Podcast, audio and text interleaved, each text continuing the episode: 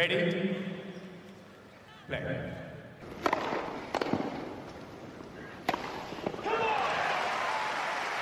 Merhabalar, Raket Servisi hoş geldiniz. Ben Gökalp. Ben Anıl, merhaba. Evet, uzun zamandır güncel konu konuşmuyorduk. Galiba üst üste 2 bölüm mü? 3 bölüm oldu. 3 bölüm. Djokovic özel yaptık. 2 de röportaj yaptık. Bu arada biriken birikti. Anıl'a dedi ki son haftalar, son günler özellikle neler oldu, tenis camiasında neler dönüyor. Ee, biraz işin pozitif tarafına odaklanarak, hani virüs çok konuşmayarak neler oluyor onu bir konuşalım istedik. Ama biz normalde nasılsın, iyi misin yapmıyoruz ama bugün bir Anıl sorasım geldi. Karantinada geçiyor günlerimiz. Neler yapıyorsun? Yani Almanya'da durumlar rahatlıyor. Ee, önümüzdeki günlerde mağazalar açılacak. Zaten dışarıya çıkma yasağı yok burada. Hani ikili üçlü gruplar halinde dışarıda dolanma izniniz var ama denetim de var. Polisler dolanıyor yani 3 kişi olursanız e, aynı hane halkından olmayan hemen ceza yiyebiliyorsunuz. Ama e, o açıdan yine nefes alma imkanı olması psikolojik olarak iyi geliyor. Ama tenisi özledik be. Yani e, sağ olsunlar e, konuklarımız işte Bora Hoca olsun, Aile olsun bizi burada biraz e, gündemde ve e, sıcak tuttular tenise dair. Ama artık canlı tenis de bir an önce başlasa diyoruz. Fakat daha çok uzun bir sürede bekleyeceğiz gibi. E, inşallah Evet. bu psikolojik e, olarak e, tenissizlik geçiren geçirilen döneme yönelik çözümler oluşacaktır ki birkaç tane var. Bunları da konuşabileceğiz gibi. Sen nasılsın? İsviçre nasıl? Cenevre nasıl? İsviçre iyi, e, İzlanda iyi, Norveç iyi.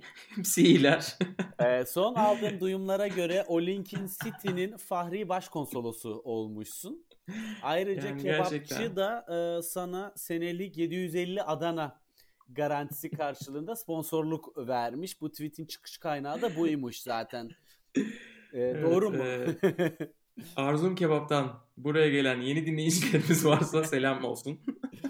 Yani duymayan kalmamıştır ama ben yine de tekrardan e, duyurayım. Gökalp Twitter'da e, dünyanın en uç noktalarından birinde bir yere kitabını okurken e, merak edip bakarken orada bir e, kebapçı görüyor ve Arzum Kebap e, ile paylaştığı bu yani Twitter'da paylaştığı bu bilgi güncel olarak 50 bin e, like'a ulaşıyor ve milyonlarca kişi bu bilgiye Gökalp sayesinde ulaştı. Evet.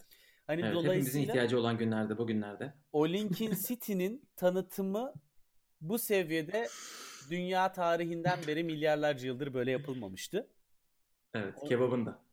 Kesinlikle. Gökalp seni bu e, başarından dolayı tebrik ediyorum. İnşallah Yani e, işte- tenisin daha geniş kitlelere ulaştırılmasında bu bir araç olur. Ve e, senin üzerinden yeni takipçilerine ve yine hayranlarına tenis camiasına kazandırırsın Hayran diye umuyorum. yani evet öyle değişik bir 24 saat geçti. Ee, yani e, Instagram'da kendimi görmekten, senelerdir haber almadığım insanlardan haber almaktan mutluluk duydum. Biraz tırsmadım değil çünkü insan böyle bu kadar yayılma hızının kontrol edilemeyen bir şey olduğunu İnanılmaz. görünce bir, bir bir tırsıyor yani. Evet ben de Ama değişik oldu. Yani WhatsApp gruplarından ilginç mesajlar atılan gruplardan seninle yayın yaptığımızı bilmeyen insanların aa bak ne gördüm deyip e, gruba senin tweetlerini ya. atmaları bana e, bunu en son her şey çok güzel olacak tweetinde e, Evet. yaşamıştım. Sonları benzemesin. Amin. Amin. Bilne, bilmeyenler varsa en son bu tarz bir tweet attığımda hesabım kapanmıştı. ATP tarafından hem de kapattırıldı. Şu an Google Ee, başvurabilir, kapattırabilir. Şu anda Norveç hükümetiyle e, boğaz boğazayız. Yok bakalım bu Allah Allah izin verirse sıkıntısız geçecek gibi. Çok bir sıkıntı durulduk şu anda. olursa Magnus Carlsen'a bir e, şey yaparız. t- mesaj atarız belki o destek olur. O e, biliyorsun fikir olarak destekler bizi. Açık görüş. Bu aralar evet keyfi yerinde. E, o zaman başlayalım mı? Evet, başlayalım. Evet bugün Instagram live'lar konuşacağız. Değişik şeyler konuşacağız. İşte turnuva fikirleri. Djokovic'in bazı önerileri var. Onları konuşacağız. Ama bunların hepsinden önce sımsıcak bir gelişme. Anıl sana bırakayım. Evet, e, gerçekten bu tenis camiasında akademisiyle en çok üst düzey oyuncuyu çatısı altında toplayan Patrick Muratoğlu bu tenisten aç kaldı tenise aç kaldığımız dönemde oyuncu portföyünü e, çok doğru bir e, bence e, şekilde kullanıp çok harika bir fırsat e, oluşturdu. Ultimate ten, Ultimate Tennis Showdown başlığı adı altında e, bir turnuva ve e, maçlar organize ediyor. E, bunlar Mayıs ayında başlayacak maçlar. 5 hafta boyunca devam edecek 10 maçlık bir seri. İlk onay veren isimler David Goffin, Alex Popyrin, Benoit Per gibi isimler ve e, hani bu tenissiz kaldığımız bu günlerde bence çok keyifli bir organizasyon. E, biraz daha detay vermek gerekirse maçlar sırasında e, social distancing kurallarına tamamen uyulacak ve bu konuda ekstra bir hassasiyet e, gösterilecek. 16-17 Mayıs tarihlerinde başlayacak ve e, her hafta sonu 5 hafta boyunca toplamda 50 maç olacak. Mayıs ve Haziran'a yayılan bir e, maç serisi olacak bu. Ve e, ilk olarak ilk açılış maçı da dünya 10 numarası David Goffin ile Alex Popyrin arasında olacak. Daha e, tüm katılımcı listesi belli değil. E, başlamadan 3 hafta bir aya yakın bir süre öncesinde bu anonsu yapıyorlar. Tahmin ediyorum bu biraz da e, katılımcıları arttırmak adına ve bir e, turnuvayı duyurmak için gerekli süre adına 3 hafta öncesinden duyuruldu ve bu arada organizasyonlar muhtemelen çok daha netleşecek ve çek, e, belli olacak. E, bence çok güzel çünkü tenis gerçekten e, sosyal mesafe kuralına en çok uyulabilen sporlardan birisi. Farklı iki korttalar. Oyuncuların e, birbirlerine maç sonunda tokalaşmalarına gerek yok ki zaten bazı birbiriyle anlaşmayan oyuncular zaten tokalaşmıyorlar hani onları da görüyoruz.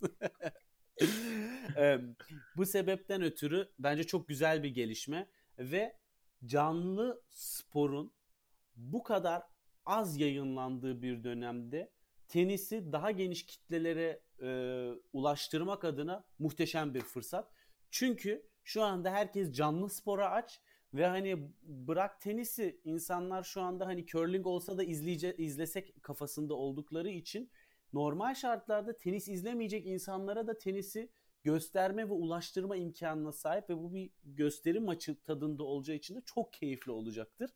Ben bunun tenis sporunu daha genç kitlelere yayılmak adına da çok doğru ve güzel bir zamanlama ve güzel bir fırsat okuma olarak yorumladım Gökhan. Ya inşallah zamanlama güzeldir. Ee, biz tabii olayın tamamen tenis tarafından bakıyoruz ama korona o zaman ne durumda olacak? Fransa daha yeni bütün e, sıkı yönetimini işte bu sıkı e, önlemleri 11 Mayıs'a kadar uzattığını duyurdu. Ve bu bahsettiğin e, Ultimate Tennis Showdown'da ilk maçı 17 Mayıs mı? 16-17 şey. Mayıs. Aynen 16 Mayıs Cumartesi. Yani aslında e, ülkeler devam ediyorlar. Onun için bir merak da ettirmiyor değil. Yani acaba nasıl olacak Fransa'nın durumu o zaman? Çünkü büyük ihtimalle e, Fransa'nın başka şehirlerinden akademiye gelip oynayacak olanlar da olacaktır. Muhtemelen. Ama bütün ülkelerde gö- gözlemlediğimiz bir şey var. Profesyonel sporculara artık e, yavaş yavaş antrenman izinleri verilmeye başlandı. E, işte sanırım Almanya'da öyle, İngiltere öyle olması ya, lazım. Almanya'da futbolcuların antrenman izni var, tenisçilerin yok. Bu da mantığın evet. tıkandığı nokta biraz da ama yani evet. o konuya çok girmemek lazım. Çünkü artık bazı alınan kararların da ne kadar doğru veya ne kadar e, medyaya yönelik alındığını çok kestiremiyoruz maalesef. Evet yani umarız o, o açıdan iyidir. Yoksa bu Anıl'ın bahsettiklerinin üstüne tabii ki bunun finansal bir getirisi de olması bekleniyor. Çünkü insanlar şu anda en büyük soruları akıllarında sağlıktan sonra. E, para durdu tabii ki yani döner sermaye durdu teniste ve bu yukarıdakileri çok fazla etkilememesine rağmen hani onların tabii ki çok büyük tasarrufları var ama aşağıdakilere yardım için bir şeyler yapılmak isteniyor. Bu Ultimate Tennis Showdown'un sitesinde de buna yönelik bir şey yazıyor. Kazanılacak para orada oynayan tenisçilere e, ve oynamayıp işte e, düşük sıralamalı olan e, başka tenisçilere de dağıtılacakmış. E, tabii ki orada izleyici olmayacak ama iki tane büyük kalem düşünebilirsiniz gelir için. Bir tanesi tabii ki yayın hakları. Şu anda Anıl'ın dediğin gibi yani herkes bir şey yayınlamak için ölüp bitiyor durumda. Belarus Ligi izleniyor ya da Nikaragua Ligi izleniyor yani. Öyle bir dünyadayız. İkincisi de e, bahis. Yani bahisçiler de çok istiyorlar oynanacak maçlar olsun diye. Büyük ihtimalle hakları ona satılır. Hatta bugün ATP bir açıklama çıkardı. Bütün oyunculara bakın e, önümüzdeki zamanlarda ATP kapsamında olmayan bu tarz gösteri tarz turnuvalara katılı, katılıyor olabilirsiniz. Sakın hani Tennis Integrity Unit'in bir parçası olduğunuzu unutmayın. İşte bahis oynayamazsınız. Bahis şirketlerinin reklamların reklam olamazsınız. Tam o tarz mıydı hatırlamıyorum. Belki e, kelimeler wording'de yanlış olabilir. Ama hani bu şeyin geleceği belliydi. Ben sadece bugün geleceğini düşünemedim. Büyük ihtimalle e, dediler hani Muratoğlu mu dedi artık biz açıklıyoruz. Ne yapacaksanız yapın. Oyunculara bildirimlerinizi gönderin. E, bundan daha çok olacak gibi duruyor. Onu bir sonraki bölümlerde zaten konuşacağız. Evet ama kesinlikle çok e, keyifli bir haber. Tenisi özledik çünkü ve evet. resmi sezonun ne zaman başlayabilme ihtimali henüz kestiremediğimiz için bu tarz çerez e, turnuvalar bizim için e, gerçekten büyük bir keyif ve evimize eğlence getiriyor. Evet yani sosyal medyada sağ olsun bizi bayağı eğliyorlar. Şu anda telefonum yanıp yanıp duruyor. Federer tweet atıyor. Sürekli tweet atıyor evet. bu aralar. E, hoşumuza gidiyor tabii ama izlemek ayrı bir güzel. o zaman sosyal medya kısmına geçelim mi? Yok yani... Instagram live'lar konuşalım. Hani teşekkür ediyorum e, sosyal medyada beni takip etmeye devam ettiğin için e, e, hani artık bir selebriti olarak sosyal medya senin alanın. Buyur e, bizi aydınlat. Şu an neler neler oluyor sosyal medyada? Canlı yayınlar evet, ardı e, ardına değil mi? Evet. Ben de o canlı yayınlardan birindeydim demek isterdim. Hayır beni konuşmayacağız. Djokovic'i konuşacağız bol bol. Djokovic önce Andy Murray ile sonra Wawrinka ile bir live yaptı. E, Wawrinka'nın yaptığı başka live'lar da var. Ona da geleceğiz ama istiyorsan bir Djokovic Murray live'ından başlayalım. Nasıl Çok buldun? Iyi. Çok iyiydi. Ee, yani e, birincisi şunu çok seviyorum. İki oyuncu tabii ki hani bunlar bu konularda çok tecrübeli değiller. Dolayısıyla başlangıçta mesela o sohbette biraz o tutukluluğu hissettim. Ama sohbet ilerledikçe çok daha e, verilen cevapların karşılıklı konuşulma biçiminin çok daha cana yakın ve içten ve akıcı bir şekilde olduğunu gördüm. Ve hani bu tabii şuraya e, bağlayacağım.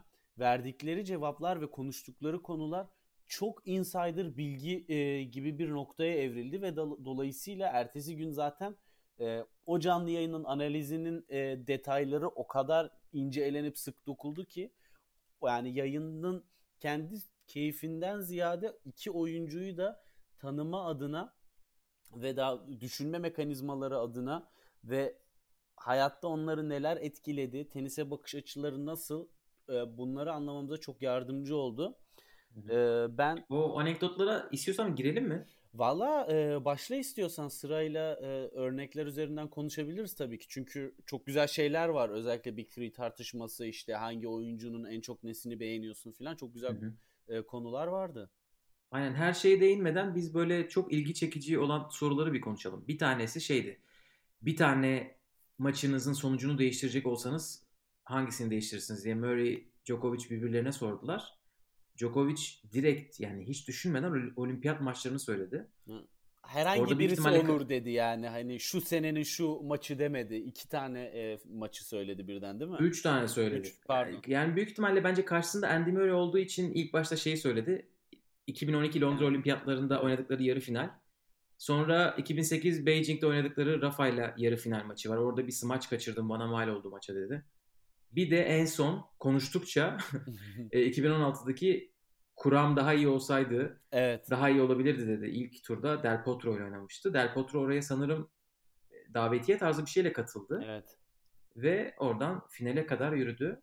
Ee, Orada şey bu olimpiyat maçlarından sonra ee, Del Potro maçına evet. kadar ki olan yani o turnuvaya nasıl geldi, ne kararlar aldı filan çok inanılmaz e, şey yani normalde alamayacağımız bilgiler bunlar. Evet evet çok fazla e, antrenman yaptım fazla hatta bir çiftler antrenmanı yapmışlar Sırp takımıyla. Evet. Bileğimden bir Orada sıkıntı hissettim dedi. Evet. Aynen aynen öyle. Ah, hep Maçta o... gerçi hissetmemiş ama Yani eğer başka bir kura olsaydı o birinci turu geçseydim ben hani ritmimi yakalardım gibi bir şey de söyledi. Evet, orada e, bunu bahane olarak da kullanmak istemiyorum dedi ama bilgi olarak Evet. verdi.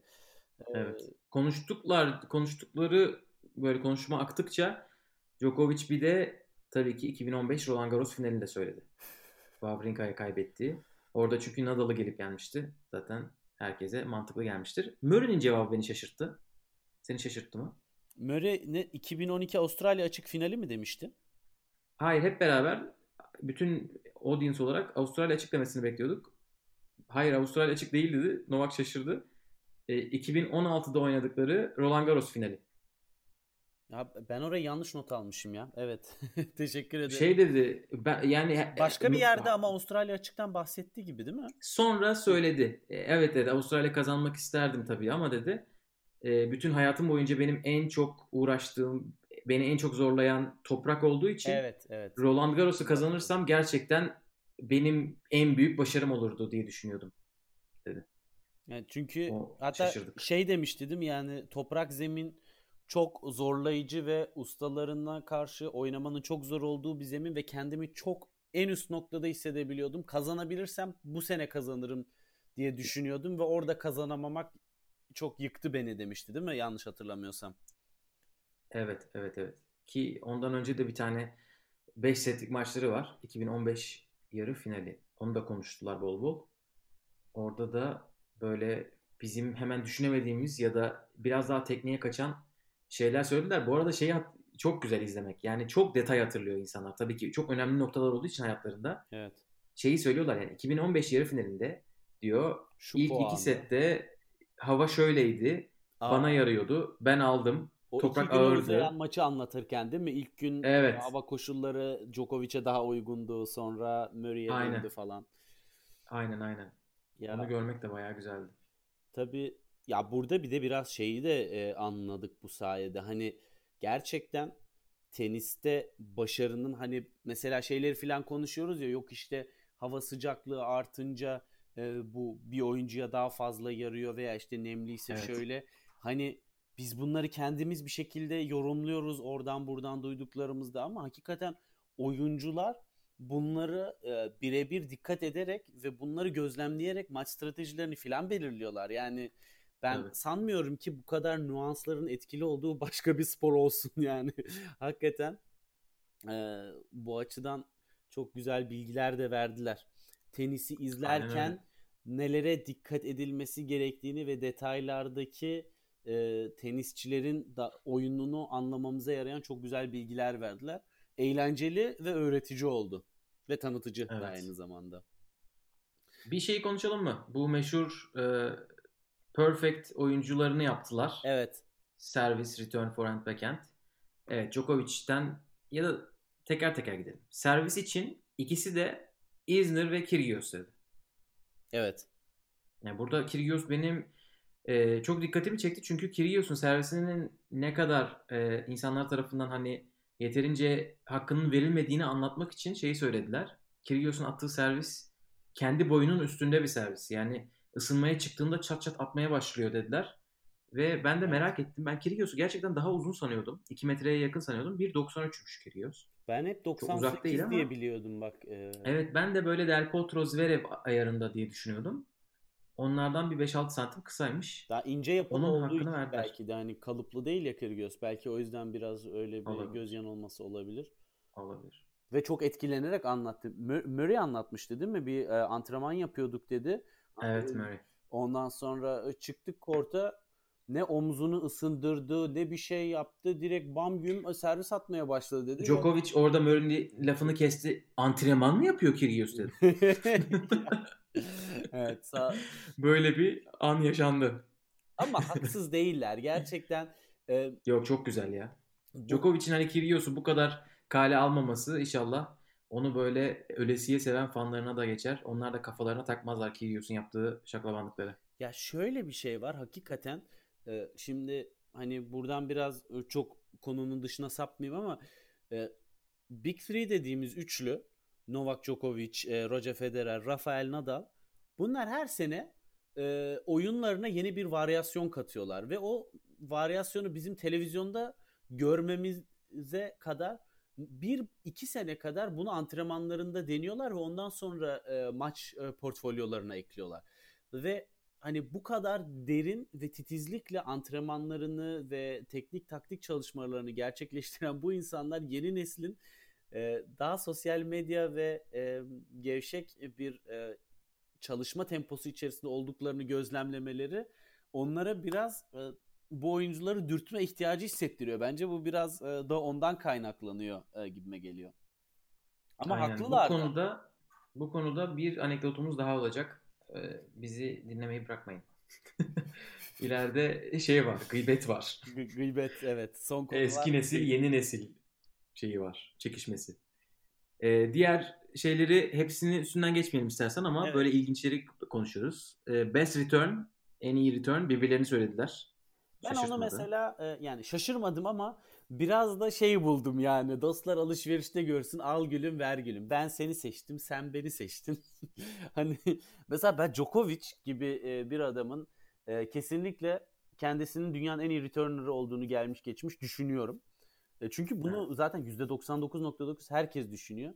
Ya o yayında de ben gerçekten Tabii tabii. kendimi hariç tutarak değerlendiriyorum diye bunu ekle en azından başına. Hani benim deme ama kendim Yok. dışında değerlendiriyorum filan de bari.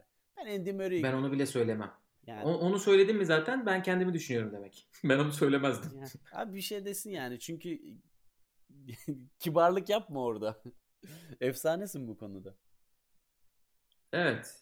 Ee, ben aynı şeyi backhand için düşündüm. Çünkü backhand'de de birbirlerini söylediler. Evet. Yani gerçekten bu arada Murray'nin backhand'i çok iyi. Hatta e, şeyi gördün mü? Matt Wallace yazmış sorulardan birine. Birbirinize karşı çapraz backhand düellosu yapsanız kim kazanır? Onu görmedim. Bence Murray kazanır.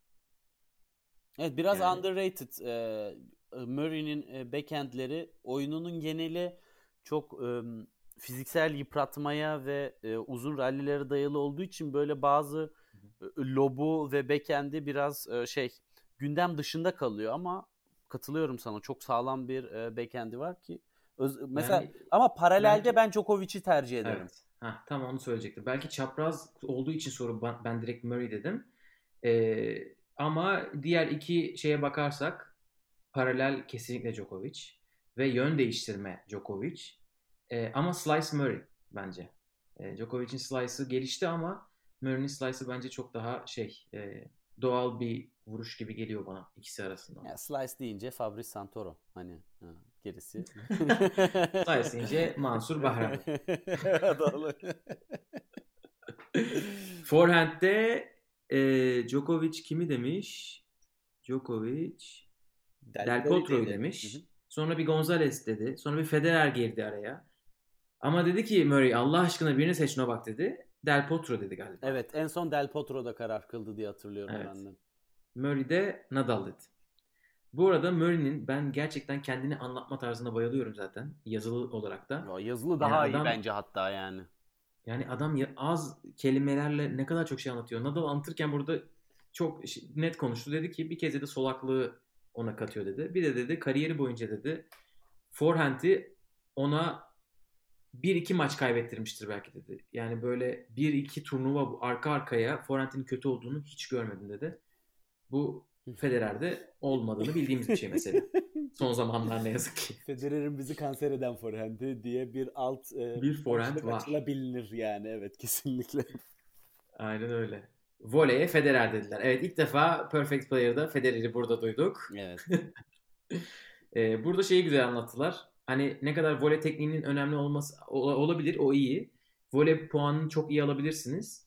Ama Federer e, çok zor pozisyonlarda voleye gelebiliyor ve maçın çok kritik noktalarında korkmaya çok müsait olunacak noktalarda çok voleye gelip çok başarılı voley çıkarıyor diye ikisi de üstüne basa basa Ve söylediler. burada e, Djokovic hatta çok e, üstüne basarak bir de şunu söyledi. Hani bu çok ön plana çıkarılmayan ve Federer'in e, çok övülmeyen bir noktası Evet, dedi. E, hani bu da esasında şunu da gösteriyor ya. Yani bunlar artık birbirlerinin ciğerini biliyorlar.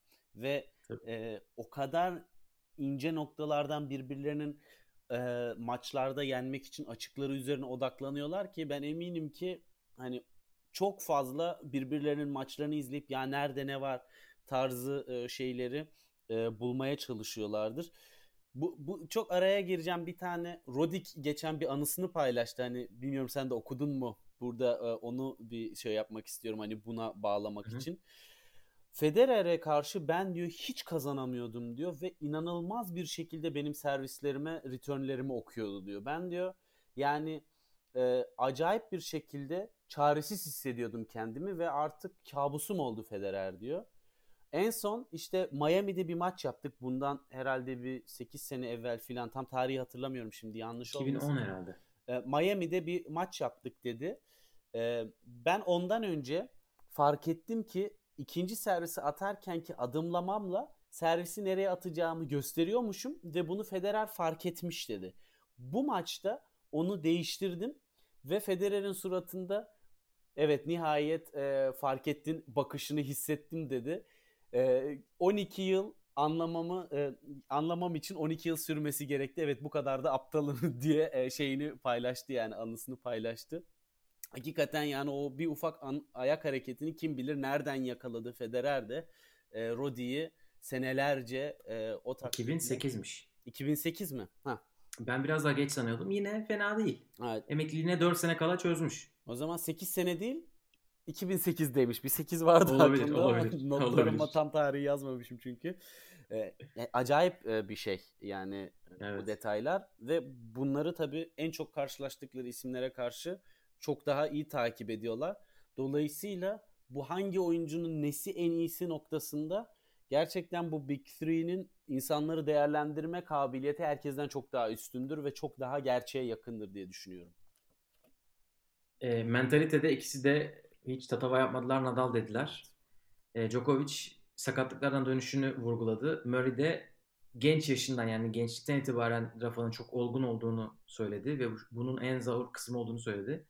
Murray en çok çekenlerden zaten gençken. E, fiziksel gücün en iyi olduğu kişi içinde Murray e, potansiyel Monfis'te ama dedi Djokovic demem lazım dedi. Monfis'in ne kadar sakatlandığını hepimiz biliyoruz. Djokovic de kim dedi? Team ya da David Ferrer dedi.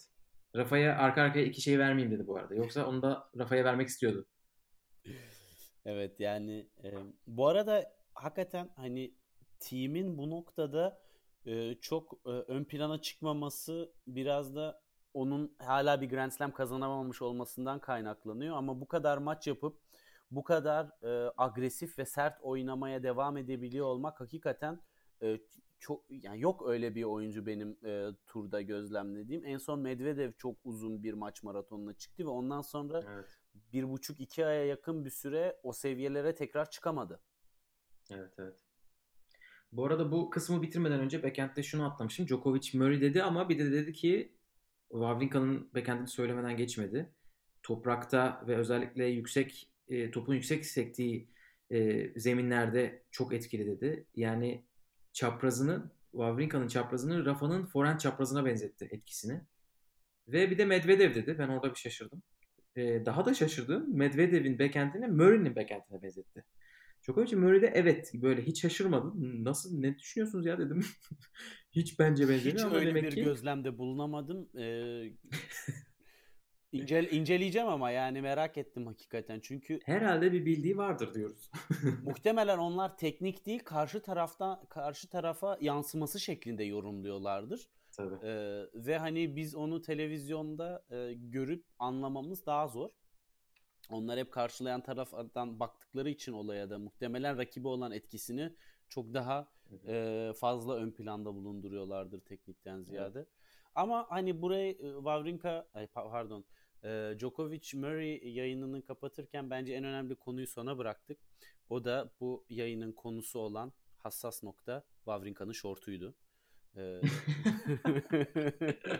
Wawrinka'ya cevap hakkı doğuran. Wawrinka'ya cevap hakkı değil aynı zamanda yayın sırasında canlı olarak orta parmak gösterme hakkı doğuran. Alttan yorumlarda gördün mü? Wawrinka orta parmak gösterdi. Gördüm gördüm. gördüm gördüm. o bir şortla bir dalga geçildi. Evet. Ve o şortun minyatürünü de ertesi günkü yayında gösterdi. Anahtarlık olarak satılmıştı zaten o. Hemen çat diye çıkardı. bu arada bu burayı kapatmadan önce bir e, şey böyle ilginç geldi. Birbirine şey sordular. En zor e, geçiş sordular. Kort geçişi. Zemin olabilir ya da başka bir şey. Djokovic çok böyle arka arkaya yakın zaman oynadığı bir zamandan bahsetti ama Murray şey söyledi. Çok net dedi. E, kapalı korttan dış korta çıktığım zaman bu benim için dedi en zor şey. Dışarıdan kapalıya girmek o kadar sorun değil. Evet. E, yanlış mı söylüyorum bakayım. Evet indoor to outdoor. Ya kapalı korttan dış korta çıkmak benim için en zor geçiş dedi. E, ve bunu e, bir de o da çok böyle çabuk bir şey yapmış. Olimpiyat kazandıktan sonra Çim'de 2-3 gün sonra Kanada'ya gidip sert kort oynamış. Ve orada zaten çok ciddi şey yaşadı değil mi? Orada Fiziksel çekildi olarak... galiba ya da ilk maçını kaybetti. Evet direkt e, yenilmiş öyle öyle demişti. Ben de hangi maç olduğuna bakmadım ama. Aynen öyle. Wawrinka live'ına geçelim mi? Evet, e, Wawrinka live'ı esas... Bu arada bu, bu şeye geçmeden önce Djokovic bence Murray podcast şey podcast diyorum. E, live'ında daha gergindi. Biraz daha böyle ne bileyim senin söylediğin hani o başta daha böyle şey kısmı bence Djokovic'e daha çok işliyordu. Bu benim bir teorim. İngilizce konuşuluyor olmasından olabilir. Çünkü yurt dışında yaşayanlar bilirler. Toplantıda bir ana dil İngilizce olan biri varsa siz o kadar rahat olmayabiliyorsunuz. Gra- ee, bir olabilir. E, içinden geçemiyorsun. Aynen öyle. Çünkü bugün Wawrinka'yı izledim. Bayağı rahat Djokovic. Keyfi yerinde. Çünkü Murray'i de o kadar sevdiğine eminim yani. Ama Wawrinka ile biraz daha şey rahat bir şey var geçmiş gibi. O hava daha böyle bir sıcaktı. Öyle düşündüm. Bence Wawrinka'nın vibe'ının da burada etkisi var. Olabilir olabilir. Evet evet. O çok insanı rahatlatan bir havası var adamın. Yani burada belki de podcastlerde e, tabii ki çok e, Big Three'nin dışında kaldığı için konuşma fırsatı elde edemiyoruz ama karakter olarak Wawrinka benim turdaki favorilerimden birisi. Belki de evet. bu kadar üst düzeyde e, başarılarını istikrarlı olmamasının sebebi de karakteri gibi. Çünkü hakikaten çok sıcakkanlı ve çok hırslarının e, peşinden giden bir isim değil. Yani kritik maçlarda, kritik anlarda bile gayet e, rahat ve gevşek kalabiliyor. E, hani bu onu çok daha sıcakkanlı ve sempatik bir insan haline getiriyor ve kendiyle zaten çok barışık, rahat, e, korttaki hareketleri falan filan. Ben bunu mesela şeyde çok gözlemlemiştim. Hatırlıyor musun Roland Garros'u izlediğimizde e, Kort 1'e alınmıştı Wawrinka Dimitrov maçı. Dimitrov'un haberi olmamış. 10 dakika falan Dimitrov'un gelmesini bekledik. Mesela Hı-hı. orada hiç umrunda değil. Geldi aa ne haber baba falan nasılsın gibisinden. Sanki evet. antrenman yapacaklarmış gibi beraber 3. tur maçında. Ee, Ki stres yapılacak bir zamandı çünkü akşam hava kararmaya başlamıştı. Evet. Maçın uzayacağı belli Maç sonraki güne. Zaten sarkacak öbür güne e, belli. E, vakit yetmeyecek, hava kararacak o zamanda bile o kadar rahat kalması e, hakikaten karakter olarak acayip bende e, artı puana e, götürdü Stan'i. Yani zaten Instagram'la e, vakit geçirdiğimiz bu korona döneminde en çok artı puan toplayan ve e, sempatik puanı toplayan insanların başında Stan geliyor zaten herhalde.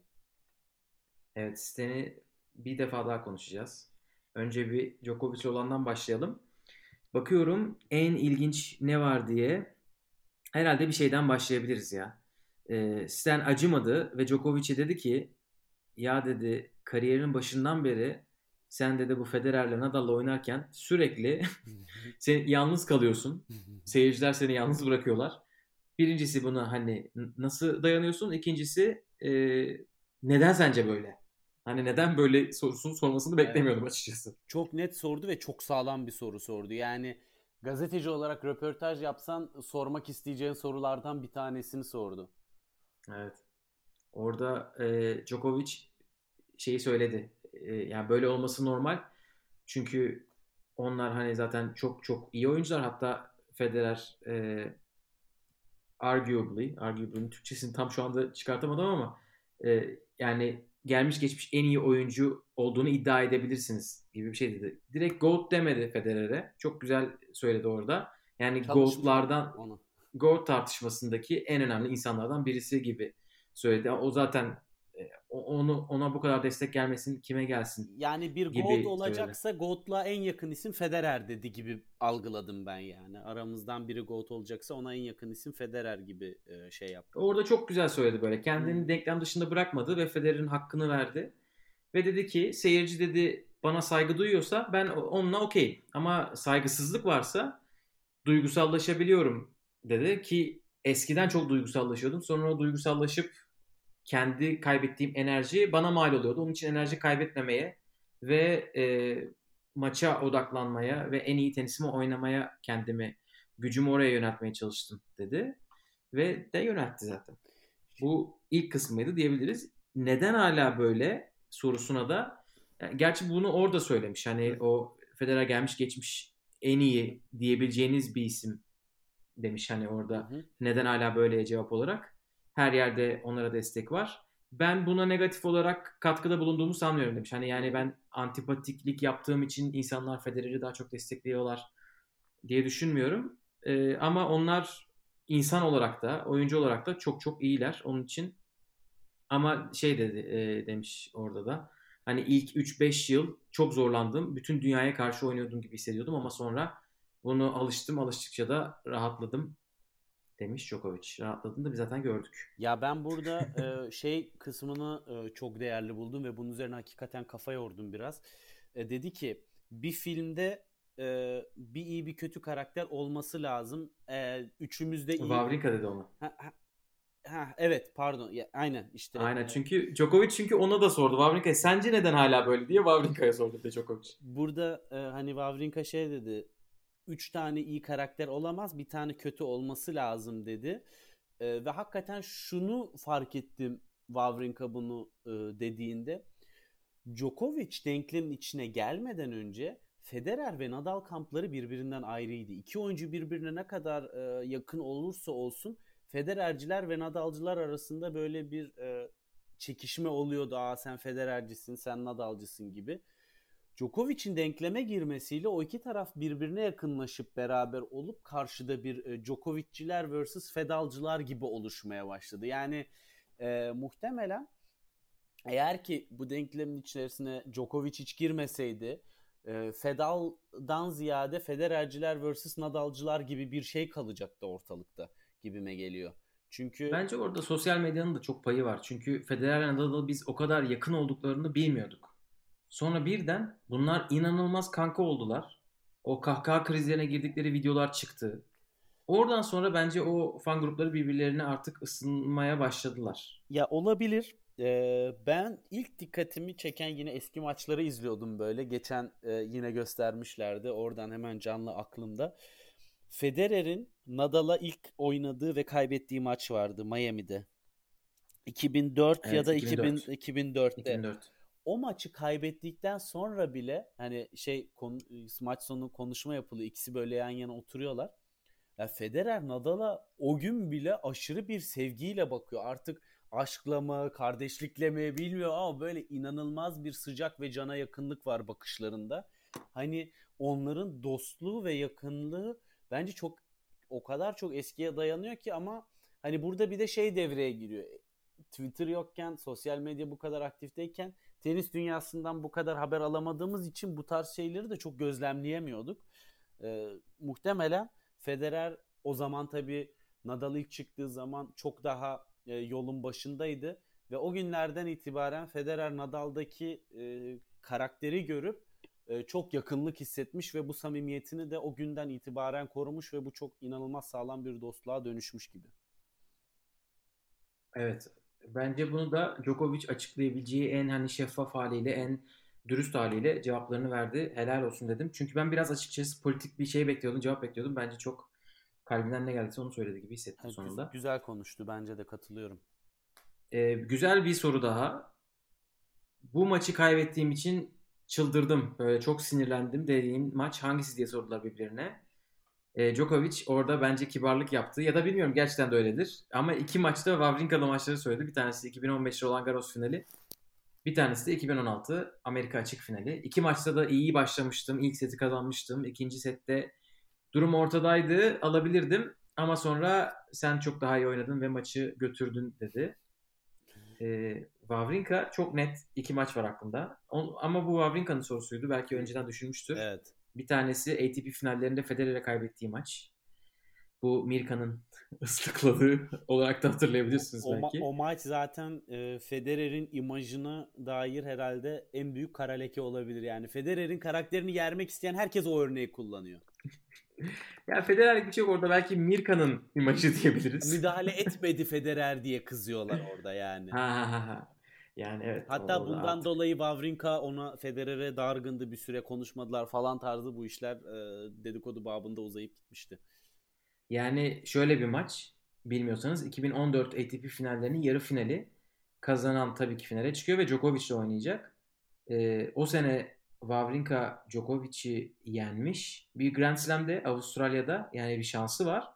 Ve Wawrinka 3. sette tiebreak 8-6 kaybediyor. Yani bir sayıyla kaybediyor gerçekten kelimenin anlamıyla. Ve Mirka ile falan uğraşıyor o anda. Ama e, çok çabuk unutmak zorunda kaldılar. E, bir hafta sonra beraber Davis Kupası finaline çıktılar. İsviçre o kupa finalini kazandı. E, ama o bir herhalde birkaç gün zor geçmiştir. E, bu bir ilk maçıydı Wawrinka'nın söylediği. İkinci maçı da e, Wimbledon'ın çeyrek finallerinde Gasquet'e kaybetmişti. O da sanırım 5 setlik bir maçtı ve e, evet 2015'te Roland Garros'u kazanır kazanmaz gelmişti buraya. E, ve orada özellikle şey dedi. Kazansam Djokovic seninle oynuyordum. Hani kazanmayı onun için özellikle istedim. Böylece her zeminde oynamış olacaktık dedi. E, ama çok da aslında büyük ihtimalle umursamamıştır. Çünkü Wawrinka zaten çimde hiçbir zaman toprak ve sertte olduğu kadar iyi olamadı. Kesinlikle. Ama çok keyifliydi. Gerçekten bu korona döneminin en güzel fırsatlarından birisi de hakikaten e, performans tenisçilerini çok daha yakından tanıyıp onların nelerle e, meşgul olduğunu ve nelerle e, mücadele ettiklerini aktif dönemde çok daha yakından gözlemleme fırsatımız oldu. Aynen. Yani Djokovic nasıl Murray podcastine kıyasla benim için Wawrinka podcast şey live'ında podcast deyip duruyorum kusura bakmayın. Live'ında daha rahatsa Wawrinka da Djokovic'e kıyasla Benoit Pair'le olan live'ında daha daha rahattı. Evet. E, tabii bunun dış bir faktörü de var. E, alkol olarak Ya özetleyebiliriz. Ya burada araya şunu tease etmeden geçemeyeceğim. Hakikaten yani e, bir tarafta mesela geçen işte yayında konuştuğumuz e, Ayla e, korona dönemindeki bir gününü paylaşıyor işte spor dolu işte hangi egzersizleri yapıyorum ipimi atlıyorum şöyle yapıyorum. Sonra bir de dönüyorsun dünyanın tepesindeki isimler Benoit Paire ve Wawrinka karşılıklı yani alkol komasına girecekler canlı yayında. Hiçbir otokontrol mekanizması kalmamış ve e, birbirlerine kokteyl tarifi yapacak seviyeye geldiler yani. Cuma akşamlarının vazgeçi olması, eh, vazgeçilmezi olma yolunda ilerlerken e, Murray ve Djokovic o şeyi aldı. O spotu aldı. Ama ondan önce Perle Wawrinka vardı. Wawrinka biraz daha iyi. Wawrinka şey söylüyor. Ben diyor 5 gün detoks yapıyorum. E, işte pazardan cumaya kadar hiçbir şey içmiyormuş. Cuma'yı bekleyerek geçiyor herhalde günleri. O bayağı şey yapıyormuş yani. Erken kalkıyormuş, antrenmanını yapıyormuş. E, Benoit Paire e, de durum böyle değil. O bayağı içiyor. Benoit E, Paire bir şişe vodka bitirdiler herhalde karşılıklı. kafa kırık ka- kategorisinde zaten. Aynen. Yani Dolayısıyla- iki buçuk saat Instagram live yapılır mı ya? İki buçuk saat. İki defa Instagram bunları kesti. Üçüncüye başlattılar. Ya bir de Ama eğlendiler yani. Şimdi şu an tabii e, aktif olmayan dönemde bunların aktif dönemde de çok farklı olduğunu düşünmüyorum ve hani bu yaşam biçimiyle bu seviyede kalması bile e, Benoit Paire'in ne kadar aslında Evet. potansiyelini harcadığını gösteriyor. Yani benim üzüldüğüm noktalar e, böyle şeyler oluyor. Hani çok daha fazla seyir zevki katacak hani bu spor olduğu kadar bir şov olayıysa da e, şovu verip işin performans kısmına odaklanmayıp belli bir seviyede kalmak tabii ki bir tercih. Ama seyir zevki olarak tenis severler için tabii ki e, ah keşke biraz daha disiplinli olsa denilen oyuncuların başında geliyor Benoit Paire. Evet çünkü şu anda mesela şey diyorlar. e, bu dönemi gerçekten iyi geçirmek lazım. Hani tatil gibi yapmamaları gerekiyor. Profesyonel sporcuların fit kalması gerekiyor. E, hatta Kasatkina e, Bethany Mattek konuşmuş. Şey diyor. Evet. Yani buradan ya en iyi versiyonunuzla çıkacaksınız ya en kötü. Dedim evet haklı. Çünkü bir grup gerçekten kendini yemeye adamış durumda. Petra Martic her gün fırına bir, bir tepsi börek veriyor. Bir tarafta da yani gerçi o bakıyordur kendine de. Bir tarafta da yani çılgınlarca çalışan, her gün e, fitness videoları paylaşan insanlar var. Benoît Per onlardan birisi değil. E, Fabrika ikisine de ikisine de uyku düzenleri soruldu. E, sorulardan birisi buydu. Fabrika dedi ben erken kalkıyorum. Çünkü bazen dedi hani kızımın okuluyla ben ilgileniyorum dedi. Ben onun farkında değildim. Yani bazı, kızı bazen ondaymış ve hani e, hocalık işte öğretmenlik görevlerini yapıyormuş evde. Erken kalkar işime bakarım dedi. Benoît Per e, 4-5 gibi kalkıyormuş öğleden sonra. Wawrinka şey diyor. Sen hala Los Angeles saatindesin değil mi diyor. Geceleri Evet yani bütün aynen bütün gece oyun oynuyormuş Twitch ve sonra ki hatta galiba bir Twitch şeyi vardı. Ee, Ga- Monfis'le Ga- Ga- Monfis'le evet. Çok güzel gol aynen atmıştı öyle. Monfis. aynen ama öyle bir izledim çok iyi oynamıyorlar yani hani. Ya. Oraya hemen bir dakika sonra geleceğiz. Ondan bu Stanley Benoit'ın şeyini kapatmadan önce şöyle bir şey geçti. Birisi güzel yaratıcı bir soru sordu. Dedi ki emekliye ayrılmış oyunculardan birisiyle çiftler takımı olmak isteseniz e, kim olurdu? Wawrinka sektirmeden Alex Korecha dedi. E, Korecha Wawrinka'nın 3 idolünden birisiymiş. Diğerleri e, hatırlamam gerekiyor. Birisi Pete Sampras, birisi Korecha, birisi de e, Magnus isim geliyor ama değil. O değildi. Neyse onu şey yapalım geçelim. Alex Korecha dedi. E, Benoît Père dedi ki yani dedi kim olur bilmiyorum kim olursa olsun böyle kafa sal şey yapmıyor takmıyor çok. İşte Cedric Piorin olsun dedi. Hayır dedi. Cedric Piorin dışında herkes olabilir dedi. Neden? Onu bir anlamadım. En son e, Seb Grosjean'da karar kıldılar. Bu e, muhabbet şöyle bitti. Wawrinka bir gösteri çiftler maçı ayarlayacak. Bu iki takım birbirleriyle oynayacak. Ama diğer e, takım arkadaşlarının haberleri henüz yoktu o zaman. Acaba şu anda var mı bilmiyorum. Çok diyelim organizasyon seviyesi yüksek oyuncular olmadıkları için şaşırmam. Olabilir. Ee, tenisin nasıl kurtarılmaya çalışıldığı bölümüne geçebiliriz istiyorsan.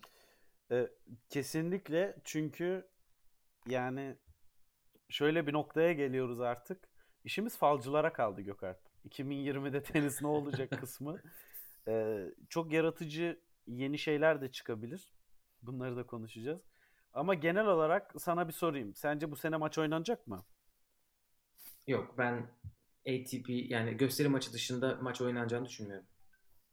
Sen ne düşünüyorsun? Yani özellikle şu anda Amerika'da iş almış başını gitmiş. H- henüz daha Nisan ayındayız bu arada. Hani e, korona krizi mesela bundan bir buçuk ay öncesine gittiğin zaman böyle şeyleri hiç düşünmüyorduk bile neredeyse bu kadar uzun süreceğini. Ee, be- belki de aynı hızla tekrar sakinleşecek iki ay sonra hani bilemiyoruz. Olabilir. Ee, ancak hani şunu unutmamak gerekiyor. Tenis küresel bir spor ve dünyanın her yerinde turnuva organizasyonları var ve dünyanın her yerinden oyuncular dünyanın her yerine uçmak durumunda ve orada olmak durumunda kaldığı için küresel bir şekilde bu sorunun çözümlenmesi gerekiyor. Yani Avrupa'da bu iş bitti artık Avrupa'da maçlara başlayalım diyemezsin. Çünkü uçuş yok. Yani sen o zaman Amerikalı oyuncu Avrupa'ya gelemediği zaman ne diyeceksin? Sana bu sene puan yok kardeşim öbürleri sıralamada üstüne çıkacak evet. mı diyeceksin. Veya sen orada e, bir e, Güney Amerikalı tenisçi olarak finansal olarak konularda e, ızdırap çekerken Avrupa'da oyuncular turnuvalara katılıp paraları kazanırken e, bu gelecek sene için de sonuçta maddi olarak bir haksız rekabet olacak. Her açıdan e, dünyadaki bütün oyuncuların dünyadaki bütün turnuvalara katılma imkanının oluşmadığı müddetçe resmi bir e, takvimin başlamasını ben de söz konusu görmüyorum açıkçası. Evet. Ama artık bir yerde tenis oynamamız gerekiyor diyorlar. Hani bu finansal tarafı da var ama gerçekten finansal dışı taraflar da söylüyorlar. Hani diyorlar ki biz oynamazsak 7-8 ay boyunca eski seviyemize dönmemiz çok zor olacak dedikleri için e, değişik turnuva fikirleri çıkmaya başlamıştı. Bu ilk programı açtığımız e, Ultimate Tennis Show'dan ilki oldu. Ama bundan önce de zaten konuşulan şeyler vardı. İşte sen Twitter'da paylaşmıştın Davidovic İspanyollar olarak biz bir şey yapabiliriz demişti. Çekler kendi aralarında bu tarz bir şey. Çeklerin zaten takım turnuvaları vardı Çekya'da hani birkaç senedir yaptıkları. Amerika ve Avustralya'da buna çok müsait. Avustralya'daki oyuncular şu anda herkes Avustralya'da, Amerika'dakiler Florida ve Kaliforniya'da kamplar zaten o şekilde oluşmuş durumda. Bir de Avrupa'dan da bir haber var galiba. Onu da şey yapalım, onu da konuşalım. Yani şu anda şu var. Davidovic Fokinya bu fikri paylaştı tabii ki e, bir e, İspanya yerel ligi tadında. Hani bu takımlar arası değil anladığım kadarıyla oyuncular arası. Hani Türkiye'de bu sene TRT evet. yayınladı e, takımlar arası Türkiye Şampiyonası işte TED'le Enka finalde karşı karşıya geldi. Bundan ziyade ülke içi bir e, büyükler turnuvası şampiyonası gibi değerlendirmek lazım. Ama İspanya'nın en iyileri dünyanın da en iyileri arasında olduğu için seviye tabii muazzam. Bu konuda e, aynı şekilde planlama içerisine e, giren Almanya ve Avusturya Tenis Federasyonları da bir arada e, böyle bir organizasyon yapmak istediler. Ki buradaki oyuncu havuzunda da çok e, sağlam oyuncular var. Başta Dominic Thiem e, onaylamış e, bu oluşumun içerisinde olacağını. Ondan sonra e, bu sene Djokovic'ten set almayı başarabilmiş ender isimlerden biri olan Jan Lennart Struff e, da e, bu oluşumun içinde yer alacağını açıklamış. Bir de Zverev gelirse hakikaten dünyanın ilk Struff da sanırım 30'un içerisinde şu anda canlıda. 3 e, isim. E, burada Canlı çok bir şey kalmadı. Yani işte ya donmuş da pardon donmuş da donmuş da ilk 30 içerisinde sanırım. Ee, buradan e, çok kaliteli maçlar çıkabilir ve hani ya benim aslında e, şöyle bir hayalim var böyle bir dönemde olursa olabilir. hani böyle bölgesellikler yapılsın. Sonra buraların şampiyonları Şampiyonlar Ligi gibi, gibi, gibi bir tatta böyle ATP Tour Finals'ın yerine de böyle bir şey e, olsun belki de Nations Cup tadında. O da çok renkli bir yere gidebilir. Ama tabii ki bunu Güney Amerika'da yapacaksın, Amerika'da yapacaksın. Yani iş o zaman çok fantastik bir boyuta ilerliyor. Fakat e, bence hani social distancing ve e, virüs riskini konuştuğumuz bu günlerde tenis gerçekten önder bir spor olabilir. Çünkü yani esası da tenis topundan virüs bulaşmaz bence. Yani ve o zaten döve döve de o virüs e, uzaklaştırılır gibi mi geliyor? Vallahi yüzeyde kalır. Oradan bulaşır, her yerden bulaşır. O riski alacaklar bence. Bence ondan yani e, bilmiyorum şimdi çok da e, şey uzman gibi yorum yapmayayım. Yeter, yapmazsak. Ye, ye, yeterince e, konuyla alakası olmayan insanlar konuyu 30 yıl araştırmış gibi e, ahkam kestikleri için. Ama eğer yani şu var. Eğer ki bir spor dalında bölgesel bir organizasyon yapılabilecekse bu takım sporlarından ziyade bireysel sporlardadır ve bunun ötesinde temasın az olduğu sporlardadır. Ve bundan dolayı da tenis bence burada çok önemli bir fırsata sahip. Çok yaratıcı şeyler olabilir. Ee, bence bu konu çok keyifli bir yere gidebilir açıkçası.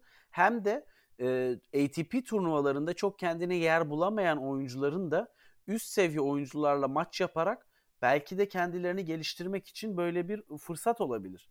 Çünkü mesela şimdi Denis Novak var Avusturya'da. Bu Dominic Thiem'le antrenman yapma imkanına sahip. Neden? Çünkü çok yakın arkadaşlar. Ama e, eğer ki 8-10 oyuncu bir araya geldiği zaman bu tarz imtiyazların haricindeki isimler de çok ciddi maç tecrübesi kazanma Tabii. imkanına sahip oluyorlar. Ve bu Tabii. da e, belki de tenise tekrar başlandığı zaman bu oyuncuların da kendilerine karşı olan özgüvenlerinin daha yüksek seviyede olmasını sağlar. Tabii tabii. Oyuncular için bence de avantaj olur. Çok e, muhteşem bir fırsat. Yani şimdi e, ben Türk tenisçiler açısından düşünüyorum.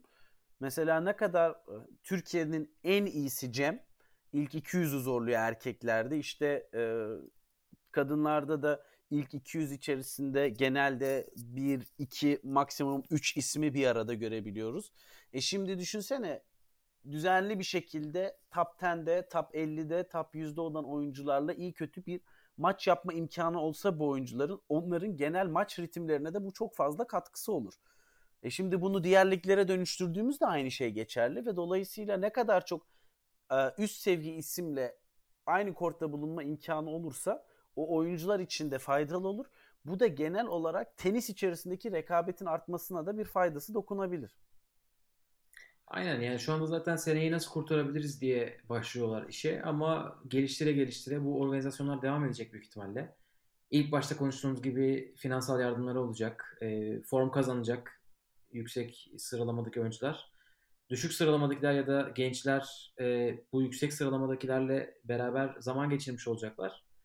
E, ve biz de tenis izlemiş olacağız. Hani böyle bir denklem çıkarılmaya çalışılıyor. E, ülke içi turnuvalar tabii ki bunun önderi olacak. Çünkü uluslararası seyahat hala e, izin verilmiyor. Mesela şu anda Almanya'dan İsviçre'ye giriş yok. Eğer İsviçre e, şey değilseniz, oturumunuz yoksa e, ama bu değişecek tabii. Önümüzdeki aylarda değişir. Onun için onlar da ona bakıyorlardır. E, bu işin gerçek hani fiziksel kısmı. Bir de fiziksel olmayan bir çözüm de var. O da Madrid'de geliyor. Onu da konuşalım. Ama gerçi Madrid'de gelmiyor. İnternet üzerinde geliyor.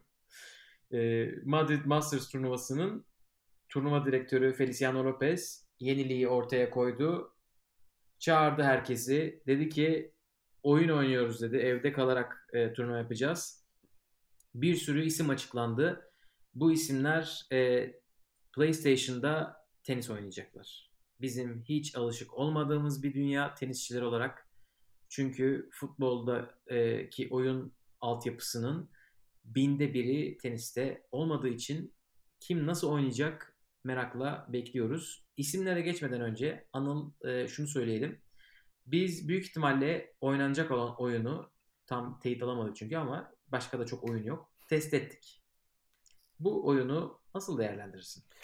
Şimdi şunu söylemek gerekir ki maalesef tenisin hakikaten bilgisayar oyununa indirgenmesi için geçmişte çok fazla çaba görülmedi. Hep 10 yıl öncesinin mekanizması nasılsa şu anda da hala aynı şekilde devam ediyor bence. E, hatta bu konuda e, benzer bir yorum şeyden Rosie ile de konuşmuştuk. Rosie Report'un e, yazarıyla. O da aynı şeyi söyledi. Hakikaten böyle bazı grafik çalışmaları, bazı e, işte vuruş teknikleri filan güzel. O oyunculardan hakikaten birkaç enstantane alabiliyorsun.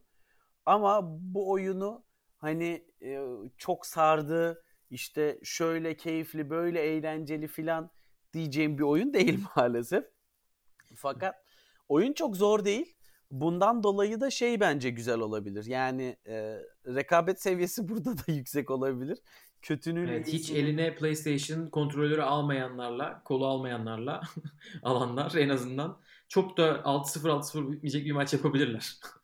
Kesinlikle yani e, burada katılımcı isimler zaten hani şeye göre e, fiziksel duruma göre değil daha ziyade kim gelmek ister tadında olmuş anladığım kadarıyla.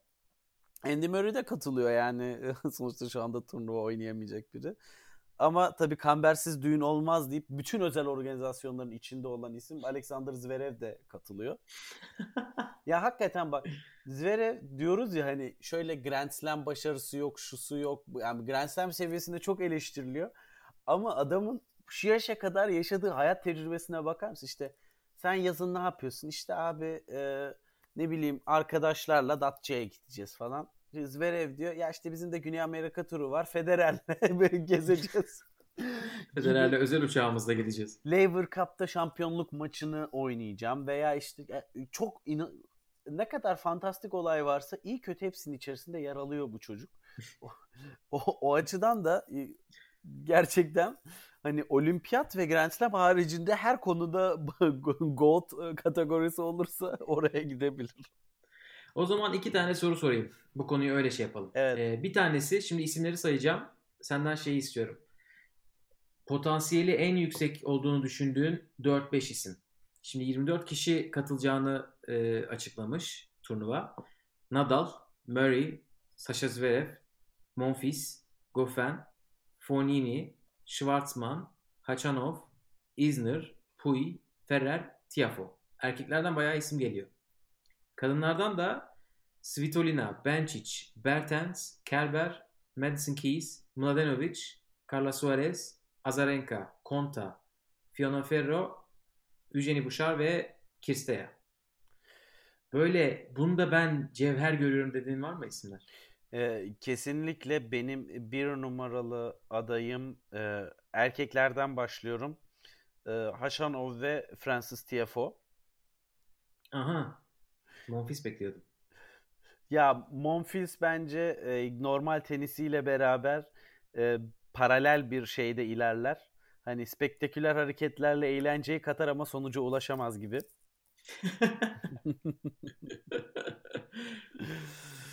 Kadınlarda ise e, Bencic ile Madison Keys bu konuda daha önde olabilir gibime geliyor. Madison Keys çok böyle ve pardon e, değiştiriyorum. Madison Keys ve Svitolina diyorum.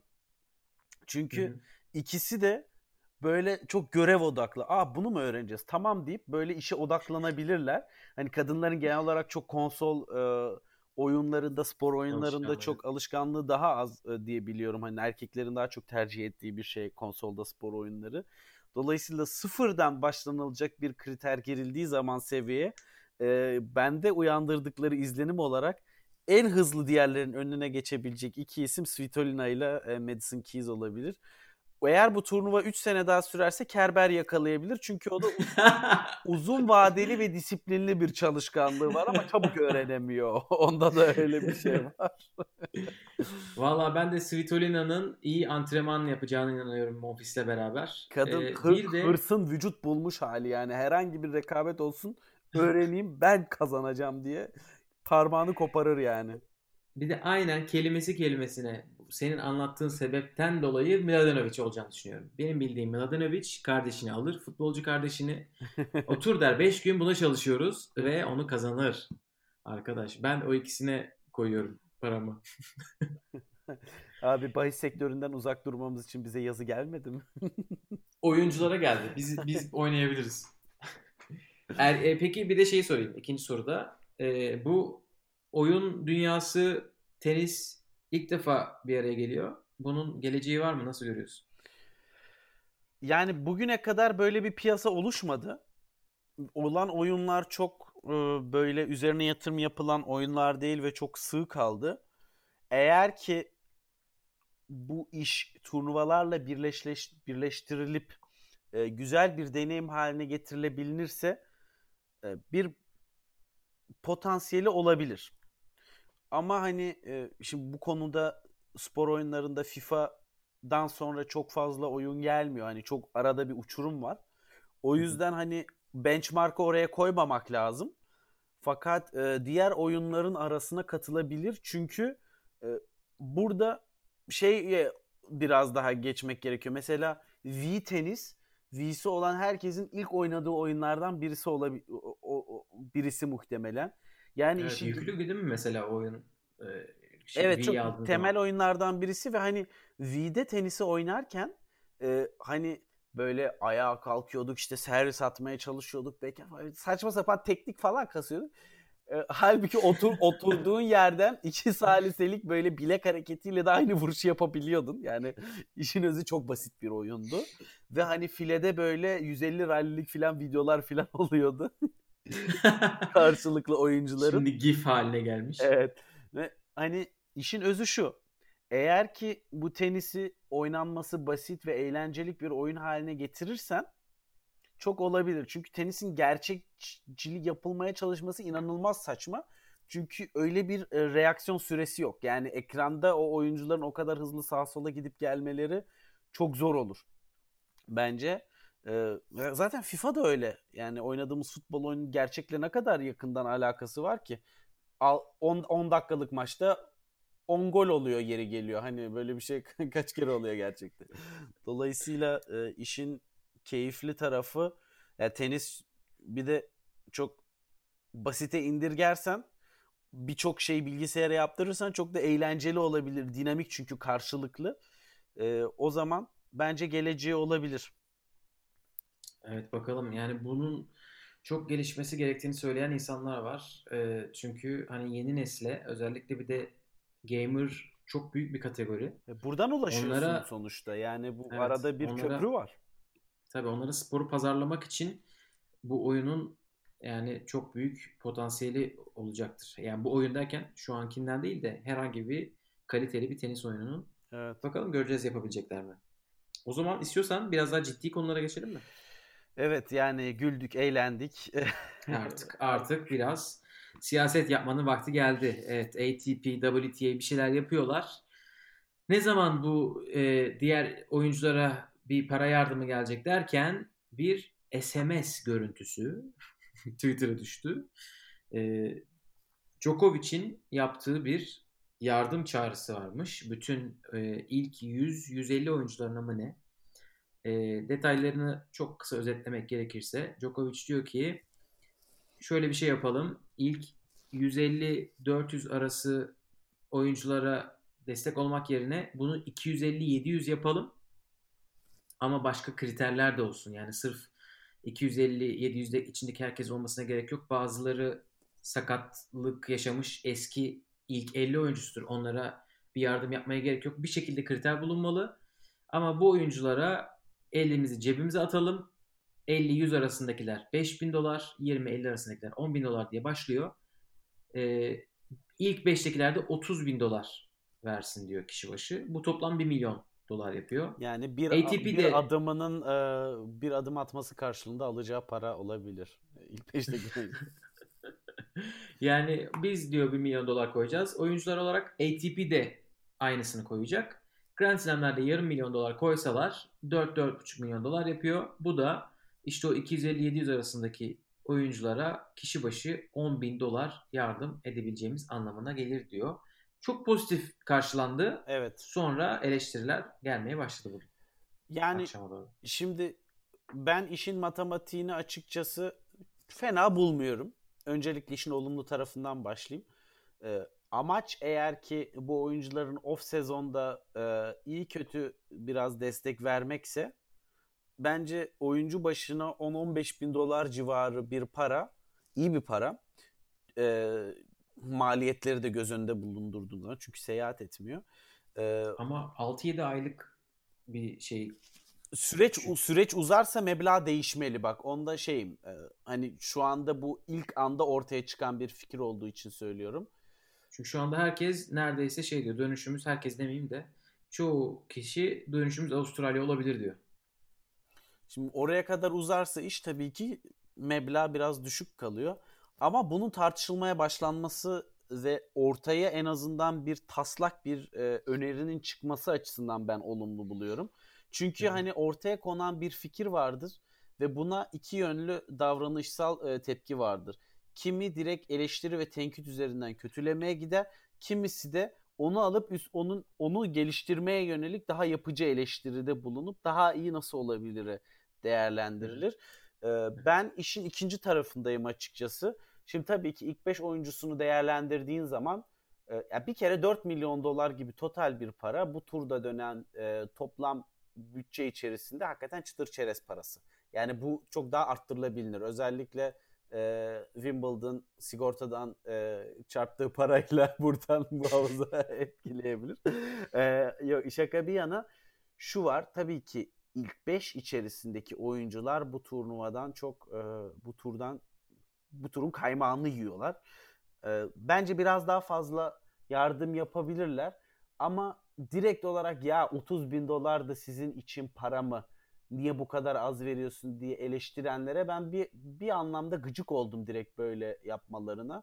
Çünkü adamın hiçbir mecburiyeti yok. Adamın tuzu kuru Evet. onun bu e, hiçbir ihtiyacı yokken tamamen hani buna ister PR çalışması desinler ister başka bir şey desinler ne derse desinler böyle bir inisiyatifi ortaya koymuş olması ve bunun için bir e, tartışma zeminini oluşturması bile bir, bir dolar koymasa bile benim için başlı başına bir e, olumlu bir katkıdır.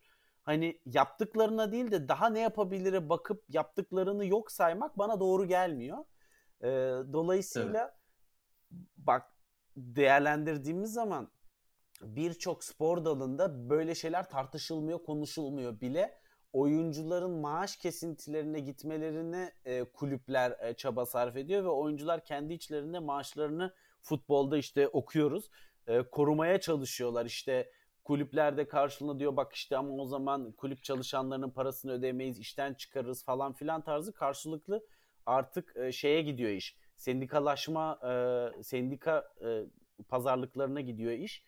Tenis camiası bence bu noktada yine örnek bir davranış e, sergiledi ve bu inisiyatifi e, başlattığı başlatması dolayısıyla da Djokovic'i ayrıca tebrik etmek gerekiyor. Eğer ki bu bence bu iş gelişirse zaten daha fazla da olacaktır e, buraya yağan para. Biz bunu şeyde gördük zaten. Avustralya yangınlarında toplanan parada gördük. Ne kadar çok para e, toplandı ve dolayısıyla bu tarz kampanyalarla inisiyatifi başlatıp esasında bir kar topu efekti oluşturuluyor. Ve bu süreç uzadıkça, gösteri maçları arttıkça bu işlerden eğer bir fon oluşturulursa illaki her daim o fona bir para akacaktır ve o fondan yararlanmaya hak kazanan isimler vardır ve onlar böylelikle geçimini devam ettirebileceklerdir. Hani o yüzden dedim başlangıç için. Çünkü işin uzun vadede geleceği kısım oyuncuların birbirine para yardımı yapmasından ziyade bu hani bir başlangıçtır. Herkes taşın el, altına elini koyuyor için semboliktir. Fakat daha sonra kurulan sistemlerle belli e, payların buralara aktarılması sağlanacaktır diye umuyorum ve ben baktığım zaman olaya gidişatı buraya yönelik görüyorum ve bunu doğru buluyorum. Evet bu dediğin gibi dediğin ikinci hani opsiyon gibi biraz hani burada insanlar e, tamam bu nasıl bir saçmalıktan ziyade e, daha doğrusu Djokovic'in yazdığı mektup şöyle bitmiyor. İşte bu kadar para vereceğiz nokta diye bitmiyor. Böyle bir şey düşündük. Siz ne düşünüyorsunuz diye o gruptakilere sorulmuş. E, ve hala şey diyor çiftler oyuncularına nasıl daha para dağıtacağımızı bilmiyoruz. Aklınıza gelen bir fikir varsa lütfen paylaşın. Hani bunun daha bitmemiş olduğunu söylüyorlar ve oradaki insanların işte %90'ının evet demesi lazım buna diyor.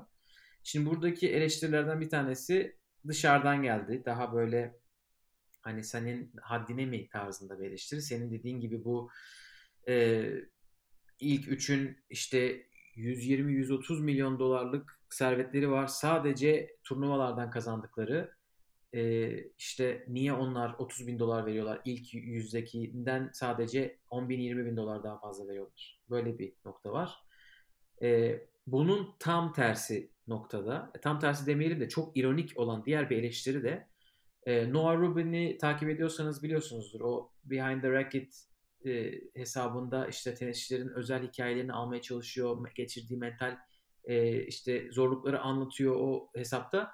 Bir de işin bu tarafını da çok odaklanmaya çalışıyor. İşte oyuncular birbirlerine nasıl destek olabilir, finansal olarak nasıl bir araya gelebilirler.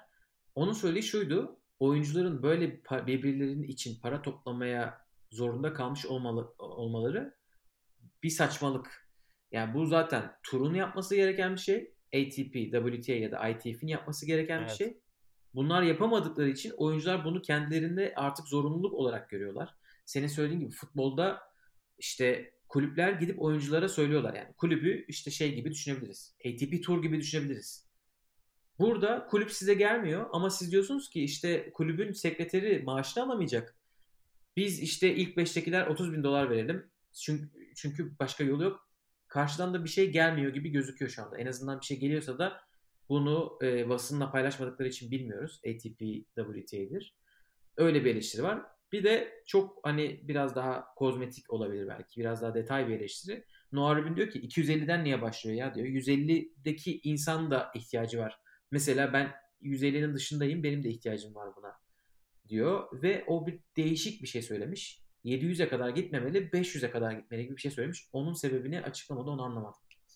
Ama bu daha konuşulacak gibi gözüküyor. Ee, dediğin gibi diyaloğun başlamış olması güzel. Çünkü Djokovic biraz hani duygusal bir açıklama da yaptı. Bunu bu Wawrinka'nın şeyinde de konuştular. Live'ında da konuştular. Ee, hani bu, bu 250-700 arasındaki oyunculardan tenisi bırakmayı düşünenler var. Sırf bu, bu sene geçirecekleri finansal zorluktan dolayı. Bir de geçen sene bunun üstüne Transition Tour yaşamışlarken ITF ve bence Djokovic şey diyor ITF Transition Tour çok kötü bir şey diyor. E, onu o kadar hani açık söyleyeceğini hiç tahmin etmemiştim. E, O onun kadar için rezilliği ayyuka çıktı ki. Bir de tabii Aynen bunlar öyle. e, ITF organizasyonlarına karşı da zaten çok mesafeli yaklaştıkları için ITF'i gömmekte çok zorlanmıyorlar bence. Bu da e, tenise özgü bir durum. Hakikaten oyuncuların bir araya sürü gelip baş var. birlik kurduğu ve ayrı ayrı federasyonların çok ağır toplar olduğu yerde bir FIFA gibi demir yumruk şeklinde orada ITF duramıyor. Dokunulamaz, eleştirilemez gibi. O açıdan tabii ki bu da tenisin e, demokratik e, yönüne yönelik e, çok daha e, yani çok güzel bir spor olduğunu tekrardan gösteriyor. Aynen öyle. ATP bunlarla beraber e, işte WTA ile çok güzel sosyal içerikler yapıyorlar. E, inşallah e, görmediğimiz şeyler de yapıyorlardır e, destek anlamında ama biz Tennis United adı verilen programı görüyoruz. E, Bethany Mattek-Sands ile Vasek Pospisil, Vasek Pospisil sunuyorlar. İşte tenisçilerin şu anda zamanlarını nasıl geçirdiklerine böyle bir de içeriden bir bakış atalım tarzında. E, Pospisil ATP account'undan yayını yapıyor. Canlı yayın yapmışlardı Instagram'da. E, Bethany de WTA hesabından. E, Pospisil ATP'nin şifresini alınca e, bazı oyuncuları trollemiş. çok, Bunu gördün mü? evet ya çok saçma mesajlar İnanılmaz. attı ya gerçekten. İnanılmaz. Bunu yaptı Evet. ve bu ortaya çıktı yani işin bence daha fantastik tarafı o hani içte bir Kendisi paylaştı var. ya Instagram'da. Ve evet bunu yani madem yapıyorsun e, bu yani işi bilerek sulandırdı resmen yani. Bakın biz çok cooluz ATP olarak. Mesajı vermek adına bu yaptığı şakaları kendi hikayelerinde paylaştı. Yaptıklarından bir tanesi şu. Benim herhalde en hoşuma giden çünkü en garip olan Jack Sock'a yazdığı mesajlar. Ee, Jack Sock e, bir birisiyle bir hanımla evlenecek. Nişanlanmışlar. Ee, ve çok birbirlerini seviyorlar herhalde yani. Tabii neden sevmesinler. Sürekli birbirlerinin fotoğrafları var. Ondan sonra Instagramlarında Pospisil e, Jack Sock'a ATP'nin hesabından şöyle bir şey yazıyor. E, ne kadar tatlı bir çiftsiniz işte böyle ama inanılmaz sıfatlar. Cutie pie bilmem ne falan filan. Jack Sock çok teşekkürler çok işte sağ olun kalp falan yolluyor böyle. E, Pospisil diyor ki e, ATP medya takımını da düğününüze çağırırsanız çok mutlu oluruz. Jack Sock'tan cevap e, bunu Laura ile bir konuşayım. E, rakamlarda neredeyiz bilmiyorum. Artık böyle cringe'in tavanlarındayız. Pospisil orada durmuyor ve diyor ki e, ATP medya olarak sizden bir rica ricamız olacak. E, siz bir tenisçisiniz ve kız arkadaşınızla, nişanlınızla çok fazla fotoğrafınız var. Arada lütfen tenis fotoğrafları da koyar mısınız Instagram'a diyor. Jack Sock diyor ki yani gerçekten bu mesajları gördüğümde çıldırmıştım diyor. Sonra hemen söylemiş. evet Pospisil'in de böyle bir yönü olduğunu görmüş olduk. Evet Pospisil de turda gerçekten e, bu dönemde biraz daha fazla özellikle bu sene güzel bir çıkış çık- yakalamıştı ve e, bu Tennis United hesabıyla da çok daha yakından tanıma e, fırsatı da bulduk. E, ATP Council'da zaten kendisi de yer alıyor. Pospisil de tenise maddi olarak zor şartlarda e, uyum sağlayan ve hani ailesi kıt kanaat geçindirerek onu profesyonel teniste tutmayı başaran isimlerden birisi. Dolayısıyla hani e, işin maddi boyutlarını algılaması açısından böyle oyuncuların da e, bu noktalarda olması gerçekten güzel. Kendisi de zaten hani daha 100-150 arasını temsil ediyor yanlış bilmiyorsam değil mi ATP Council'da. E, Öyle bir şey olması lazım. ve hani oradan bir ismin hani e, bu ATP account'unu yönetmesinden ziyade Tennis United'da e, tenisin birlik olarak dünyaya gösterdiği yüz olması bence fena bir işaret değil yani. Hani işi hep rating olarak ve Big Three üzerinden muhtemelen zaten yaparlar mıydı onu da emin değilim. Teklif gitti mi gitmedi mi bilmiyorum da. Saklıyorlardır bence. Ee, yani başlangıç aşamasında kickoff için bence çok keyifli. Ki hani burada da komik şeyler paylaşılıyor. Hani ciddi bir şey çok fazla yok ama arada güncel konularda da bilgilendirme geldi gibi.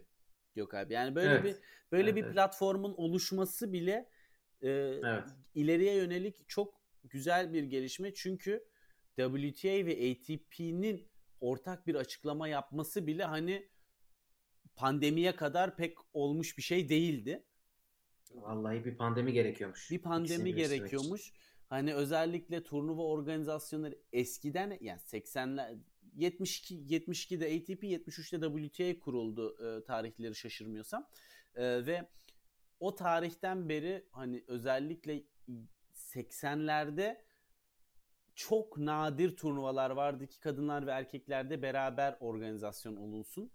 90'larda biraz arttı. 2000'ler, 2010'lar derken 50 yıl sonra artık yavaş yavaş birçok turnuvada e, kadınlar ve erkekleri beraber izleme fırsatına erişebiliyoruz. Tabii Grand Slam'ler haricinde konuşuyorum. E, dolayısıyla daha gidilecek çok yol var ama tenis zaten hani özellikle kadın sporcular arasında da en çok kazananlar içerisinde hep tenisten oyuncular oluyor. Ee, bu anlamda iki ekibin de birbirine yakınlaşması açısından ve kadınlar tenisinin de e, daha da fazla ön plana çıkması ve eşit olması açısından da e, alınan kararlarda ve e, yönetimsel anlamda bence çok güzel bir gelişme. Aynı zamanda da keyifli. Matt da zaten hani hep renkli kişiliğiyle çiftler e, tenisinden tanıdığımız bir isim. Ki kendisi aslında teklerde de fena değil ama Amerika'da oynadığı için tabii ki önünde çok fazla isim var. Metek Sanza'ya gelene kadar sıra. O açıdan bence eğlenceli ya bu tenissiz günlerde tenisçilerin böyle e, genel çatılar altında da kendilerini göstermeleri. Evet belki isim sadece Tennis United yerine sabah şekerleri gibi bir şey olsaydı tam tam konsepte uygun olurmuş. Öyle gidiyorlar. Alişan ve Çağla Şikel e, kombinasyonu şeklinde gidiyorlar değil mi? Aynen öyleler. Ki onlar da çok ee, renkli ve izlenmesi keyifli bir ikili bu arada hani yani. E, evet evet. Alişan değil mi? Evet. Şaka şaka. Diğerleri. o zaman 3 ufak haberle bitirelim. Birincisi Lever Cup'ta iptal bayrağını çekenlerden oldu. İptal demeyelim, katıldı. erteleme diyelim. Çünkü keşke iptal olsaydı diyorum. Çünkü seneye Boston'da oynanacak. 2021'de tekrar Avrupa'da olacaktı. Ve e, Lever Cup'ı Avrupa'da tekrar izleme fırsatımız ki hani gittik beraber izledik. Muhteşem bir turnuva organizasyonu ve çok eğlendik. E, bir sene daha sarkmış oldu. Yani Avrupa'ya gelmesi 2022'yi e, bulacak. Biz bir daha yerinden izlemeyiz diye konuşmuştuk diye hatırlıyorum biliyorsun oyuncu koltukların arkasında olduğumuz için bütün e, şaklamantıları kaçırmıştık. Ama atmosfer gerçekten. Bir, bir dahakine biletleri ben alacağım. Çok kötüyüm değil mi? Hem, ya biletleri hem bütün işi al. sana kilitliyorum. İst... Ondan sonra bir de... Arkadaşım biletleri al istediğini yap. Ben Nadal'la Federer'in Tsitsipas'ın çiftler işaretleriyle dalga geçtiğini göremeyeceksem o an ne anladım oradaki deneyimden. Onu bir şekilde bize vermeleri lazım ya. Bir ekrana falan yansıtmaları lazım. Açsaydın ee, telefonundan Eurosport'u. İsviçre'deydik. Allah. Senin kotan vardı yani. Ben, ben Evet David Cup hafif Fransa açığa arkadaşlar sizin yüzünüzden oldu bu gibi bir açıklamayla aslında ince hiçbir, giydirmeler. Yani, zaten siz büyük ihtimalle oynamak zorunda kalacaktınız. Siz en sondaki şeysiniz, önceliksiniz. Ama işte bazı Grand Slam'lerin, bazı değil de işte Grand Slam'lerin bütün işte tekrar programlanmasından dolayı Lever Cup'ı 2021'e atıyoruz dediler. Anadolu dediği gibi 2021'de Boston'da oynanacak. Ee, diğer haberimize geçelim istiyorsa. O da e, biraz daha nispeten eski bir haber sıralamaların donmasının etkilerinden biri çok net değildi. ATP'den açıklama geldi. Evet dediler sıralamaların donması rekorları da durduruyor. Ee, bir numarada kalma rekoru Djokovic'in şu anda sabit bir sayıda kalmış durumda. Herkes bunu merak ediyordu. Yani e, bence hani bunun tartışılması bile çok saçma. Çünkü rekabetin devam etmediği bir noktada sen evet. hala bir numarasın demek Bence hani Djokovic hala bu rekoru kırma şansı kesinlikle var. Ve e, eğer ki böyle bir şey olursa idi e, bu sefer Djokovic'in başarısına gölge düşecekti. Ben sanmıyorum evet, ki evet. bu seviyedeki isimleri tabii ki bu rekoru kırmak isteyecektir. Djokovic gibi hırslı bir ismin bu rekora göz dikmemiş olmasını ben ihtimal dışı görüyorum. E, fakat e, lekeli bir şekilde veya tartışmalı ve kendi deyimiyle arguably bir şekilde e, olması isteyeceğini düşündüğüm bir şey değil açıkçası. Dolayısıyla Evet bence zaten o onlar hiç tartışmamışlardır bile. Tenis Twitter'da işte konuşuluyor ama. hem onlar da yani millet de konuşacak malzeme arıyor işte aman biz de bir kutuplaşalım aman ben de uç bir yorum yapayım da etkileşim olsun aman işte federercilerin hoşuna gidecek bir yorum atayım da oradan like retweet gelsin takipçim artsın. Twitter'da biliyorsun insanlar bunun derdinde. En son işte biri Olinkin City'den bir e, görsel e, paylaşmış. Buraya iyi Allah'ım yarabbim ya. Yani şu anda bir tweet gelmiş de birisi Antarktika'dan bir şey paylaşmış. Google Maps'te geziyordum Antarktika'da kebapçı koy şey yaptım diye. Sanki ben kurgu yaptım arkadaş. Görüyorum Antarktika'ya koyduğu pini. Bir kez yorumu yok. Benimkinin yorumu vardı. İnsanların yapmayacağı şey yok. Ee, o zaman gıybetle kapatalım mı? Bence e, gıybetten çok derin tartışmalara bile girebilirim ben bu noktada. Girebilir. Evet, girebilir. Ben biraz hafif başlayayım, sen derine götür. E, Mosquito abimiz Zverev'in 8 ay hocalığını yaptı, koçluğunu yapan Juan Carlos Ferrero katıldığı bir podcast ya da radyo programında vermiş, veriştirmiş. Zverev'le ilgili açıklamaları var. Ne demiş bakalım? Demiş ki e, Zverev'in biraz daha kort dışına kort dışı haline dikkat etmesi gerekiyor. Ee, bakıyorum. Çok yeterince çalışmadığını görüyorum. Kafaları çok dağınık. Kort dışında sürekli telefonlarla, işte sosyal medya, birdenbire ortaya çıkan arkadaşlarla uğraşıyorlar. 3 saat kortta kalıyor ama e, bir buçuk saatlik şey yap e, kaliteli bir antrenman yapamıyor gibi böyle ortaya karışık Zverev'in disiplinine laf atan bir açıklama yapmış. Şaşırdım ben biraz. Zverev'le alakalı böyle şeyler söylenmesinden. Yani şimdi öncelikle ya bir de sonunda şunu eklemişti işte Zverev'in babası e, durumu e, orta yolu bulmak için çok çaba sarf ediyordu ama e, onun da hakkını teslim etmem lazım Evet. gibisinden bir şey e, söyledi. Babası iyi bir insan, etrafındakiler kötü demiş. Biraz biraz ona e, çevirmiş olayı. Bence bu yorumları yani Ferrero'yu tanıyoruz ama Ferrero kimdir biraz bence oraya bir e, inmek lazım. Ferrero bütün kariyeri boyunca yani İspanyol tenisinin çıkardığı ikinci dünya bir numarası. Hani bu çok önemli bir başarı. Carlos Moya'dan sonra bir numara olmayı başarmış. ikinci İspanyol tenisçi. Zaten üçüncüsü Nadal başka da yok. Hani dolayısıyla İspanyol tenisi için çok büyük bir isim. Ama dünya tenisine baktığın zaman bir tane Grand Slam başarısı var. Bir tane de US Open finali var. Yani bir, bir kere Roland Garros'u aldı. Bir kere US Open'da final oynadı. Bir kere de Avustralya açıkta e, yarı finale çıktı. Onun dışında yarı final ve üstü hiçbir başarısı yok. Zverev'i karşılaştırdığın zaman Zverev de bugüne kadar Grand Slam'de yarı finale çıktı. İşte e, ve daha henüz e, epey yolu var. Şimdi bu açılardan değerlendirdiğimde hani gelmiş olduğu nokta olarak bence Zverev'i şu anda eleştirmesi açısından biraz çok erken. Belki de e, kendine Zverev üzerinden biraz reyting yaratmaya çalışıyor. Çünkü bu aralar çok popüler bir konu. Next Gen'e giydirmek e, hani e, Twitter tabiriyle e, retweet almak için çok e, basit bir konu. E, o da buraya biraz çanak tutmuş. Ben eğer ki sen onun antrenörüysen biraz iğneyi kendine çuvaldızla başkasına batırman gerektiğini düşünüyorum. Yani şu var oyuncuların olgunlaşma süreci çok daha uzadı. Bu kabul edilen bir gerçek. Oyuncuların tenisi oynama süreleri de daha uzadı. Artık işte geçen Bora Hoca'yla da konuştuk. O da anlattı. İşte tenisçilerin şu anda fiziken ve en verimli oldukları çağ 32-33 diyor. Ve bundan 10 sene önce 32 yaşında bir oyuncu tenisi bırakıyordu. Hatta geçmişe gidecek olursak Björn Borg 25-26 yaşında tenisi bırakmıştı. Dolayısıyla tenis oynama süresi uzadıkça oyuncuların pik noktalarını yakalama süreci de daha fazla oluyor.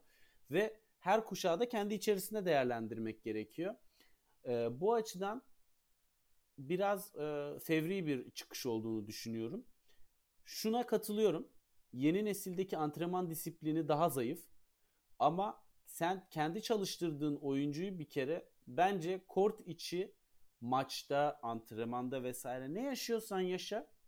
Bunlar e, özeldir. Yani nasıl ki biz bir şirketten ayrıldığımız zaman yeni bir şirkete giderken eski şirketimizi işte kötülemiyorsak orayı da ki yaşanılan sürece bir saygı varsa burada da bence ikili ilişki arasında bir e, gizlilik olması lazım ve e, bu kadar toplumun önüne atılmaması lazım. Çünkü bugünlerde sosyal medya ne kadar büyüdükçe bunun oyunculara geri dönüşümü de o kadar yüksek oluyor. Hem olumlu hem olumsuz anlamda. Ve eğer ki sen genç neslin daha bu konuda bilinçli olmasını istiyorsan, iyi niyetli bir çaba varsa bunu tutup da medyaya söylemezsin. Bunu oyuncuyla doğru bir iletişim kanalıyla e, birebir de paylaşırsın veya farklı bir şekilde paylaşırsın. Antrenörün oyuncu gömmesini ben çok yanlış buluyorum genele e, bakmak gerekirse. Ki O zaman antrenörlük Pardon. başarısı olarak da Ferrero'nun bunu söyleyebilecek bir antrenörlük geçmişinde olduğunu düşünmüyorum açıkçası. o zaman ben Ferrero'nun tarafını tutmaktan başka bir seçenek göremiyorum kendimde. Bu kadar Ferrero zan altında kaldı. Ben bütün İspanya'daki sivrisinekler adına konuşacağım şimdi. Konuş, konuş. Ee, yani bence iki tane şey var. Bir tanesi Zverev ile Ferrero ayrıldığında Zverev'in Ferrero hakkında söyledikleri çok konuşulmuştu o zaman. Ee, benim takımımdan bazı kişilere saygısızlık yaptığı için onu gönderdiğim gibi artist bir açıklama yapmıştı Zverev ki bunu işte 18-19 yaşında yaptı. Evet. Ee, bir tanesi bu. O zaman Ferrero konuşmamıştı ki bence o onun onun hanesine pozitif yazar ya da konuştuysa çok böyle medyada e, sansasyon yaratmadı. Doğru söylüyorsun. Bir tanesi de bir tanesi de şey e, yani Zverev istediği kadar genç olsun yani 18 yaşını geçtikten sonra profesyonel bir işbirliğinin iki tarafı oluyor onlar. Yani Zverev ile Ferrero'yu bence çok da böyle farklı yargılamamak lazım konuştuklarında. E, bir de eğer hani siz yani sen bir koçsun düşün. E, 8 ay beraber çalışmışsın. Başarın olmamış. Başarın olmamasının sebebi %50-50 ise bence konuşmazsın. Ama sen kendini düşünüyorsan ki bu çocuk benim söylediklerimi yapmadı. Onun için başaramadık. O zaman bence söylemen lazım ki senin koç yani söylemek derken bu arada o tabii dili tartışılır. Ama senin koçluğuna laf gelmeyecek bir şekilde. Çünkü ondan etkilenip seni Aa, onu o zaman ben koç olarak almayayım diyecek oyuncular olabilir. Çünkü senin sonuçta Evet. imajına leke sürülüyor olabilir. Ee, senin sonuçta akademin var. Akademiye e, işte Güney İspanya'ya oyuncu getirmeye çalışıyorsun, ithal etmeye çalışıyorsun. Akademi sahibisin. Onun için bence orada biraz şey, eşit bakmak lazım. Ama e, ben şaşırdım. Ben hani beklemiyordum. Benim bildiğim Zverev buna cevap verir. Bekliyoruz. Heyecanla bekliyorum. Bekliyoruz. Ee, eğer ki ya ben bak dediklerin hepsine katılıyorum ve Ferrero bunları Zverev'den sonra karşı bir açıklama olarak söyleseydi kesinlikle hak verirdim. Ee, 4 sene sonra niye konuşuyorsun o zaman? hani yani. Ama sormuşlardır podcast'te. Çünkü bir podcast'e katılmış. ben Ferrero'yu konuk etsem onu sorarım. Bir de Sharapova'yı sorarım. Sen de Fe-. Ferrero'ysan malzeme vermeyeceksin o zaman yani bu da ben her şeyi sorarım da karşı taraf e, cevap vermek zorunda değil yani. Ama adamı burada negatif etkileyen bir şey değil. Hatta dediğin gibi reklamı oluyor yani. Konuşuyoruz şu anda. Reklamını yapıyoruz. Farkında mısın? Raket servisi dinleyip Ferrero'nun akademisine gitmek isteyenler şu anda arttı. Binde bir oranında. Rafa Nadal Akademi'yi her türlü tek geçeriz. Evet havası daha güzel. Ortam süper. O zaman istiyorsan yavaştan kapatalım. Biz Evet. bugün yine yarım saat herhalde yaparız bugün dediğimiz podcast'i. Bir buçuk saatte tamamlayarak. Ama özlemişim ya güncel şeyler konuşmayı. Evet evet. Maç olmasa da. Yani, e, Yani evet. bir de sağ olsun tenisçiler bu ara üzerine konuşulacak tenis harici bol bol konu veriyorlar. Hani bir bölüm Federer e, tweetleri özel e, bir yayın bile yapılır. Federer'in e, neydi o? Efsanelere saygı duruşu bölümü yapalım bir de. Ve Hepsi için ayrı gifli, göz, resimli tweetler at. Bence bir bölümde de özel olarak ki ben buradan 3 saatlik malzeme çıkacağını inanıyorum. Serena'nın Federer'in raketiyle yaptığı e, challenge'a katılırken ki voley vuruşları. Ve de konuşması. Buna Ve konuşuyor. bu, yani o voleyleri izlerken yani tenis tarihin belki de en büyük isimlerinin arasındaki e, kadınlar tenisinde zaten e, en büyükler arasındaki yani kategoriler üstü bir isim niye öyle voley vuruyor ve bunu niye yayınlıyor biraz teknik göster bize e, dercesine. E, evet ama sosyal medyayı keyifli kılıyorlar Ve bu konuda hakikaten e, bireysel anlamda e, spor camiası içerisinde bayağı da önde gidiyorlar etkileşim olarak. Ama ben Evet. hala şuna inanıyorum. E, Murray ve Djokovic tenisin tenis tarihin en önemli isimlerinden. E, Djokovic şu anda bir numara ve e, canlı yayınlarını 16-17 bin kişi izledi. Mesela e, şey e, Sokrat'tan Buğra Balaban da bu konuya değindi. Hani bence bu kadar mesela Federer bir e, challenge yapıyor ve inanılmaz bir etkileşim oluyor. E, Murray ve Djokovic canlı yayın yapıyor ve bunu bence sadece 17 bin kişi izliyor. Yani bu çok daha fazla kişi tarafından izlenmesi gerekirdi diye düşündüm. Yani burada Federer ve Nadal'ın rating anlamında çok daha ayrı bir noktada olduklarını bence hakikaten bir kez daha görmüş olduk. Hani işin tenisçilik boyutu bir yana. Rating anlamında burada çok e, ciddi bir fark var bence.